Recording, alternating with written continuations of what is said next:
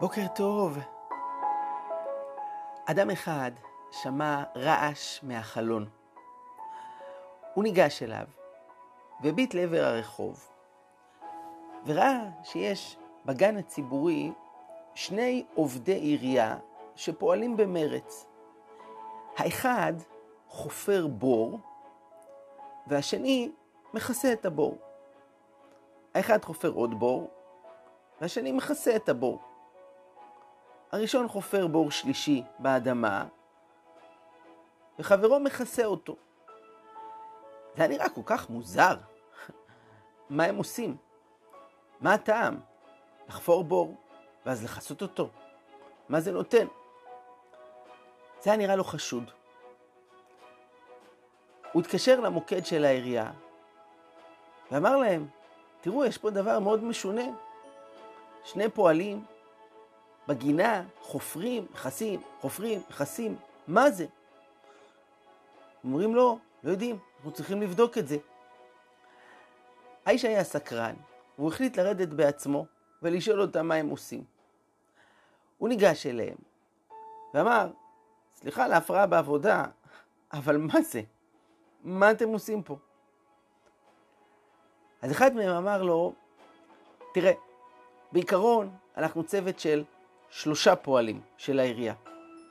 התפקיד שלנו הוא כזה, אחד חופר בור, השני נוטע שם שתיל, והשלישי מכסה. ככה אנחנו עושים כל יום. היום האמצעי לא הגיע, הוא חולה. זה ששם את השתיל באדמה לא בא. אז אמרנו, מה, בגלל שהוא לא נמצא, אנחנו לא נעשה את העבודה שלנו? לא נתבטל. אז הגענו, ואנחנו עושים את החלק שלנו.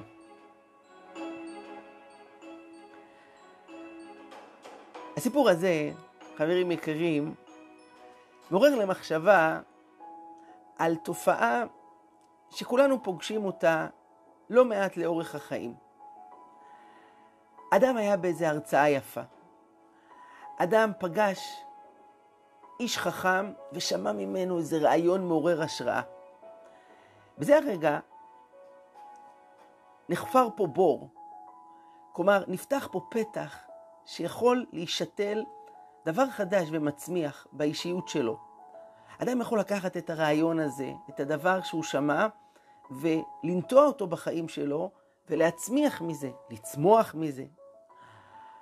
העניין הוא שהרבה פעמים זה לא עובד ככה, אלא יותר כמו שהיה אצל אותם פועלים בעירייה. אחד חופר והשני מכסה. אחד חופר והשני מכסה, אבל לא צומח פה שום דבר.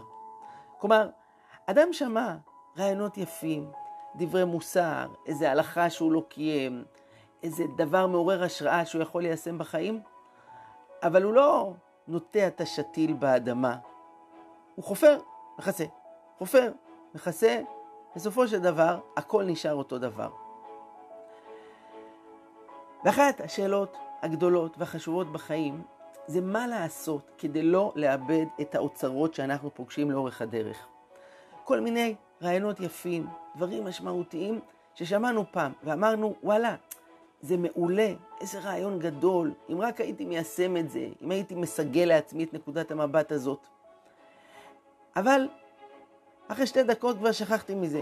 עברתי לדבר הבא, והחיים שוטפים, ומה לעשות בשביל באמת לשתול בתוכנו את האוצרות ולהפוך לאנשים גדולים יותר, ולא סתם לחפור בורות ולכסות אותם, לחפור בורות ולכסות אותם.